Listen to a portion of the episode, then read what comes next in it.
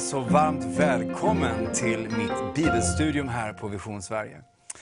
Och eh, idag ska jag undervisa om den troendes position. Identiteten som en kristen människa har fått i Jesus Kristus. Vi ska se här utifrån Romarbrevets femte kapitel, vad Jesus har befriat oss från, men också vad Jesus har befriat oss till genom sin död på korset och sin uppståndelse ifrån de döda. Jag skulle vilja börja min, eh, mitt bibelstudium med att bara säga en oerhört enkel men viktig andlig sanning. Och det är att Gud älskar mig. Och det finns ingenting som kan ändra på det. Och Detsamma kan jag säga till dig, vem du än är, det är att Gud älskar dig. Och det finns ingenting som kan ändra på det. Och Vi ska se här utifrån skriften på eh, det liv som, som, som Kristus har för oss. Och den inbjudan som är till varje människa, vem man än är, oavsett hur ens liv ser ut, så är det en inbjudan till gemenskap med Gud genom Jesus Kristus. Att, att leva det liv som han har befriat oss till genom sin död och sin uppståndelse. Så det här är alltså ett, ett pass om den troendes identitet, dess position som Guds barn genom att vara i Kristus. Vad som är tydligt när vi läser skriften, det är att det är ett tydligt då och ett tydligt nu. Detta då, det handlar om att vi en gång levde i mörker. Ja, skriften säger att vi, vi, vi, vi levde under mörkrets välde. Men vi har blivit förda in i hans sons älskade rike. Och det är utifrån det som är vår position. Så följ med mig till Romarbrevets femte kapitel, där vi ska läsa eh, vers 15 till och med 18. Då står det så här. Men syndafallet kan inte jämföras med nåden. För om de många dog genom en endas fall, så har Guds nåd och gåva så mycket mer överflödat till de många genom en enda människas nåd. Jesu Kristi nåd. Inte heller kan gåvan jämföras med det som kom genom en enda människas synd. Domen kom genom en enda och ledde till fördömelse. Men gåvan kom efter mångas överträdelser och ledde till ett frikännande. För om döden kom att regera efter en endas fall genom denne ende, hur mycket mer ska då inte det som tar emot den överflödande nåden och rättfärdighetens gåva få regera i liv genom denne ende, Jesus Kristus. Låt oss be innan jag går vidare i vårt bibelstudium. Tack helige Ande för din närvaro i detta bibelstudium. Och jag ber att vi ska förstå mer. Jag ber att jag ska förstå mer när jag undervisar och jag ber att den som tittar ska förstå mer om vem du är Kristus och det liv som vi äger i dig. I Jesu namn. Amen. Hur stod det till med oss innan vi blev frälsta? Ja, det är ingen, ingen vacker bild.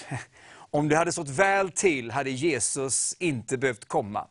Men det stod inte väl till. Eh, skriften säger faktiskt att vi var Guds fiender. Det skriver Paulus här tidigare i det femte kapitlet i Romarbrevet. här. Eh, men det var i detta eländiga tillstånd som syndare, Eh, som, som Guds fiender, som upproriska. Det var i detta tillstånd som Gud förbarmade sig över oss och frälste oss. Han frälste oss inte därför att vi var lyckade, utan han frälste oss därför att han valde att förbarma sig över oss.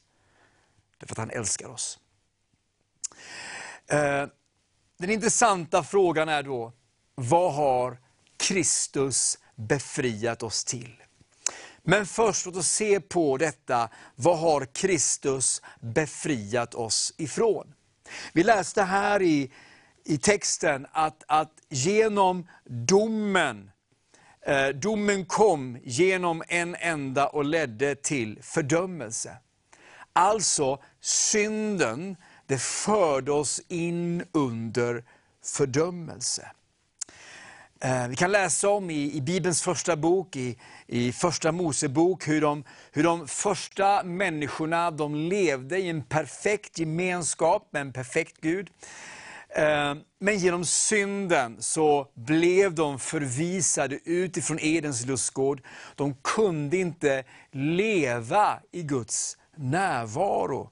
Och alltså genom synden kom de in under fördömelse. Eh, Människan hade en härlighet som man, man förlorade. Eh, och Det är det som vi ofta brukar kalla för syndafallet. Människan föll från en, en hög position som skapat till Guds avbild. Och människan kom in under synden och under fördömelse. Och Bibeln säger också så här, eh, Paulus skriver om detta också i Romarbrevets sjätte kapitel, vers 23, där han säger att syndens lön är döden. Så det är alltså genom, genom synden, och genom, genom människan som synden kom in i skapelsen, och hela skapelsen lades under förgängelsen, som, som Paulus beskriver det i Romarbrevets åttonde kapitel. Och Det innebär att allt det som vi erfar som människor, allt det vi ser i vår värld av, av ondska, av, av lidande, av sjukdom och ensamhet och hat, allt detta destruktiva, det är en konsekvens av att människan föll i synd och förlorade sin härlighet. Kan du sluta tala om Jesu blod? Jag minns tydligt den här kvällen på en alfakurs i en kyrka där jag arbetade i för en del år sedan. Kvinnan sitter liksom intryckt i ett hörn. Och eh, hon, hon eh, vet inte vad hon ska ta vägen. Och föredraget den här kvällen, det är i det mest centrala i kristen tro, det är undervisning om varför måste Jesus dö. Det som händer under mitt föredrag, det är att, att Satan kommer med fördömelse och pekar på varenda synd i den här kvinnans liv. Eh, orsaken till att det är en sån kraftig reaktion på, på Jesu blod, det är faktiskt vad Jesu blod gör med en människas synd. Det övertäcker den. Det finns befrielse i namnet Jesus. Det finns förlåtelse för synd genom Jesu blod. Det är därför angeläget för oss som, som kyrka att förkunna korset. Att tala om korset, för det är där som friheten finns. Det var det som en gång ledde oss till frihet. Det som en gång frälste oss, det var att vi fick höra evangeliet om Jesus. Det som händer då en människa får höra detta fantastiska evangelium, det är att den helige Ande föder oss på nytt. Bibeln säger att vi var andligen döda, och det är konsekvensen av synden. Att vi är andligen döda. Men lyssna vad som står i Efesierbrevets andra kapitel.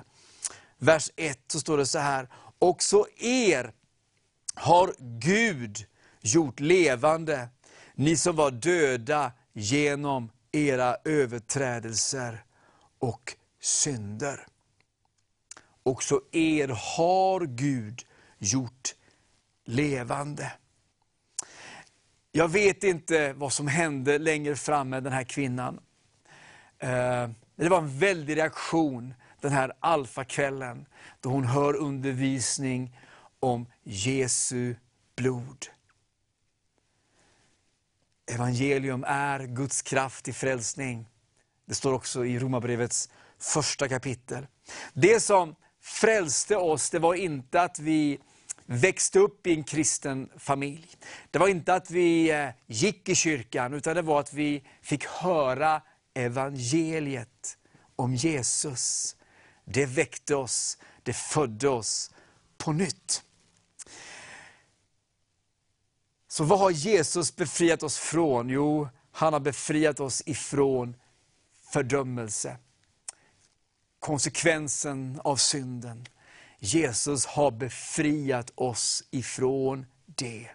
Vi läser här i Romarbrevets femte kapitel, vers 16. Det står, gåvan kom efter mångas överträdelser och ledde till ett frikännande. Det står i, i första Johannes brev att, att Jesus Kristus är försoningen för hela världen. Det innebär att han är försoningen för dig och försoningen för mig och för alla människor. Vad jag talar om och undervisar om, det är korsets kraft.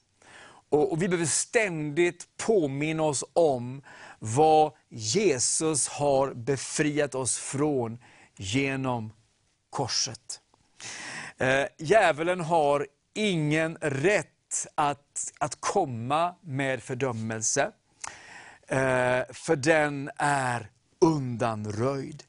Tidigare så levde vi, innan vi kände Kristus, så levde vi under fördömelse på grund av synden. Men i Kristus så är den lyfts av. Den har lyfts av. Det står så här i, i Romarbrevets åttonde kapitel, vers 1, att nu finns ingen fördömelse för den som är i Kristus Jesus. Och Det innebär också att när jag som kristen, eh, jag har fått en ny identitet, jag har blivit ett Guds barn, eh, så kan jag givetvis fortfarande falla i synd. Men lyssna, min identitet ligger inte i att jag är en syndare som faller i synd. Utan min identitet ligger i att jag är ett Guds barn. Jag som kristen, du som kristen som satt din tillit till Jesus, du hör inte hemma i smutsen, utan du hör hemma i ett rent liv inför Gud. Djävulen försöker på olika sätt att, att, att binda oss, att snärja oss. Men lyssna, du är fri. Du har din frihet i namnet Jesus. För han har befriat dig från fördömelsen. Han har befriat dig, jag säger en gång till, från fördömelsen. Vid ett tillfälle för en del år sedan så så undervisade jag i en kyrka och eh, där i den kyrkan så är det en, en ung man som ganska nyligen blivit kristen. Eh, som 12-åring så hade han börjat kolla på pornografi. Eh, och han blev fast i pornografi. Som 23-åring så, så blir han frälst. Han, han blir ett Guds barn. Eh, men djävulen hade en hållhake på honom och det var denna, denna orenhet och han var bunden i, eh, i pornografin. Eh, vid ett tillfälle när han var 18 år så berättade han för mig att han, han kliver in på en, en nattklubb i Amsterdam det här är alltså några år innan han blir frälst. Och eh, han upplever hur någonting far in i honom, som han själv beskriver det. Och Det här området är ett område som man inte ville ta fram i ljuset till Kristus för att bli fri från det, utan han skulle på egen, i egen kraft försöka att, att ta sig ur detta. Men ingenting i det kristna livet är egen kraft, utan det är i den helige Andes kraft. Och det är först när vi för fram någonting i ljuset inför Kristus, som det finns frihet. Men hur som helst, han befinner sig och lyssnar till undervisning och hör undervisning om ungefär det jag talar om här. Eh, om den identitet som en, en människa har som kristen i Kristus. Och eh, han öppnar sitt hjärta och, berättar detta och vi börjar be tillsammans. Eh, och Det som händer när vi ber, är att jag talar ut, det är jag och en man till, vi talar ut Jesu namn över honom och Jesu namn över detta område och befaller den orena ande som binder honom att ge vika i Jesu namn. Det som händer är att han plötsligt bara ropar ut, jag är fri, den är inte kvar. Och Det som händer det är ju fantastiskt och, det vittnar bara om Guds godhet och det tydliga är, som, som visar på hur, vilket, vilken kraft det är i namnet Jesus. Den här mannen, unge mannen, han reser sig upp och så går han runt i kyrkan och han, han ropar ut, jag är fri, den är inte kvar. Jesus har satt mig fri. Ungefär så här går han runt. Plötsligt så går han fram till eh, nattvardsbordet i den här kyrkan och, och där ligger en, en stor bibel uppslagen. Och Jesaja bok ligger uppslagen. Och han, han böjer sig ner och så läser han orden där det står så här. Ingen oren ska mer komma in i dig. Detta syftar givetvis på Jerusalem och det är en, en, en profetisk text om det, det kommande riket. Men för den här mannen så blev det, det blev ordet rätt in i hans liv, där han förstod att ingen oren ande har något att göra med honom, därför att han är ett Guds barn. Han är friköpt med Jesu blod. Så han fortsätter att gå runt i den här kyrkan och ropa ut, Jesus har gjort mig fri. Det var det första, då vad, vad Jesus har befriat oss från. Från fördömelse. Och vad har han då befriat oss till? Lyssna, vår identitet som frälsta, som Guds barn, det är rättfärdighet. Tillbaka här till, till Romarbrevets eh, femte kapitel. Då står det så här, hur mycket, för om döden kom att regera efter en endas fall genom den ende, hur mycket mer ska då inte det som tar emot den överflödande nåden och rättfärdighetens gåva få regera i liv genom denne ende Jesus Kristus. Här talar Paulus alltså om rättfärdighetens gåva. Och det som är att, att, att rättfärdighet är vår identitet, det beror på att Kristus är vår rättfärdighet. Det är Kristus själv, det är hans liv som är vår rättfärdighet. Det här var anledningen till att den här mannen kunde gå runt och ropa ut, Jesus har gjort mig fri. Och Det här var det område som han varit bunden i. Men nu kom Kristi ljus in där. Och den orena anden var tvungen att släppa sitt grepp om mannen och bara gå. När Jesus i Johannes evangeliet talar om sig själv som den gode heden, som, som fåren följer, därför att de känner igen hans röst. Och Jesus talar om att han kallar dem vid namn och så vidare. I det sammanhanget där, i Johannes kapitel 10, så talar Jesus också om vem djävulen är. Och Jesus kallar djävulen för en tjuv. Och där i Johannes kapitel 10 så förtydligar Jesus vad, vad djävulens agenda är. Och Det är att stjäla, slakta och döda. Det är vad Jesus säger om tjuven i Johannes 10 och 10. Och Det är vad vi ser hos människor. Och Det är också vad djävulen har rätt att göra i människors liv som inte tillhör Kristus. Men när en människa tillhör Kristus så är rättfärdighet hennes identitet. Och Det innebär också att den människan är ett Guds barn och har fått en auktoritet att vara Guds barn. Och en auktoritet att gå emot djävulen och det han gör. gå emot tjuven som stjäl, slaktar och dödar. Och Det står så här i Jakobsbrevets eh, fjärde kapitel, vers 7, där Jakob skriver så här, stå emot djävulen och han ska fly för er. Innan står det där i texten att underordna er Gud. Och Det handlar om att komma in, givetvis, under Jesu Kristi herravälde. Eh, det är då jag får rättfärdighet som min identitet. Och Det här innebär, när rättfärdighet är min identitet, så, så eh, lever jag i Guds fruktan. Och Guds fruktan är inte att jag går runt och är rädd för Gud. Utan att frukta Gud, det är att vörda honom, att vörda hans namn, att älska det namnet, att älska Gud. Det är Guds fruktan. Och den som är i Kristus lever inte under fruktan. Det är inte hennes identitet, utan rättfärdighet inför Gud är hennes identitet.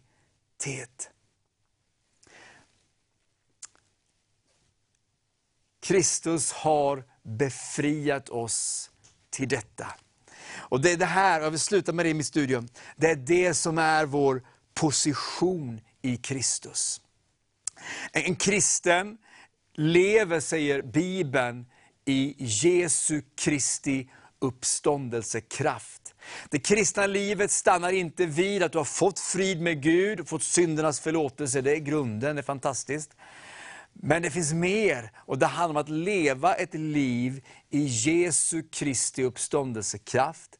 Alltså att, att leva i den position som Kristus har. Det står så här i Efesierbrevets andra kapitel, vers 6. Det står att han, Gud alltså, har uppväckt oss med honom och satt oss med honom i den himmelska världen i Kristus Jesus. Det är det här eh, vad det innebär att, att, att regera i liv, därför att få regera i det liv som är i Kristus Jesus. Och Det här är den troende ställning. Och Det är den ställning vi har i den här världen, att vi är i Kristus. Vi har vår position i honom. Det är det som gör att att vi kan be frimodigt. Jag har tidigare här på Vision Sverige talat om, om bön. Och utifrån denna position av att vi har en auktoritet att vara Guds barn, som gör att vi kan be. Bön handlar inte om att vi liksom ska storma Gud och få honom med på våra noter. Utan bön handlar om att vi har fått en delegerad auktoritet att i enlighet med Jesu namn be. Och Det handlar om att vi har identitet av att vara Guds barn. Vi har identitet av att vi har vår position i Kristus. Det här är så viktigt. Vi befinner oss i en, i en väldigt speciell tid i Sverige och världen över. Det är en speciell tid för kyrkan att komma med evangeliet, de goda nyheterna. Och jag vet att det här i vårt land Sverige och i andra länder så söker kristna Guds ansikte. Man ber, man ber för sina städer, man ber för sina nationer, man ber för människor runt omkring. Gör det skillnad när vi ber? Ja, det handlar faktiskt om den position vi har som Guds barn när vi ber. Våra böner är inte vackra tankar, lite filosofiskt, utan det handlar om kraft och auktoritet. Därför att vi är Guds barn. Och vår ställning är att vi är rättfärdiga. Det innebär att när vi ber så är det kraft. Eh, och det gör skillnad. Je Jesus säger så här, det är mitt sista bibelord. I Johannes 14, vers 13 och 14. Han säger, vad ni än ber om i mitt namn ska jag göra, för att Fadern ska bli förhärligad i Sonen. Om ni ber om något i mitt namn ska jag göra det. Jesus gav inte sina lärjungar denna instruktion för att det inte skulle ha verkan, utan för att det skulle ha verkan. Och det beror på att vi har vår position i Kristus. Det är han som är vår identitet. Det var dagens bibelstudium. Gud välsigne dig.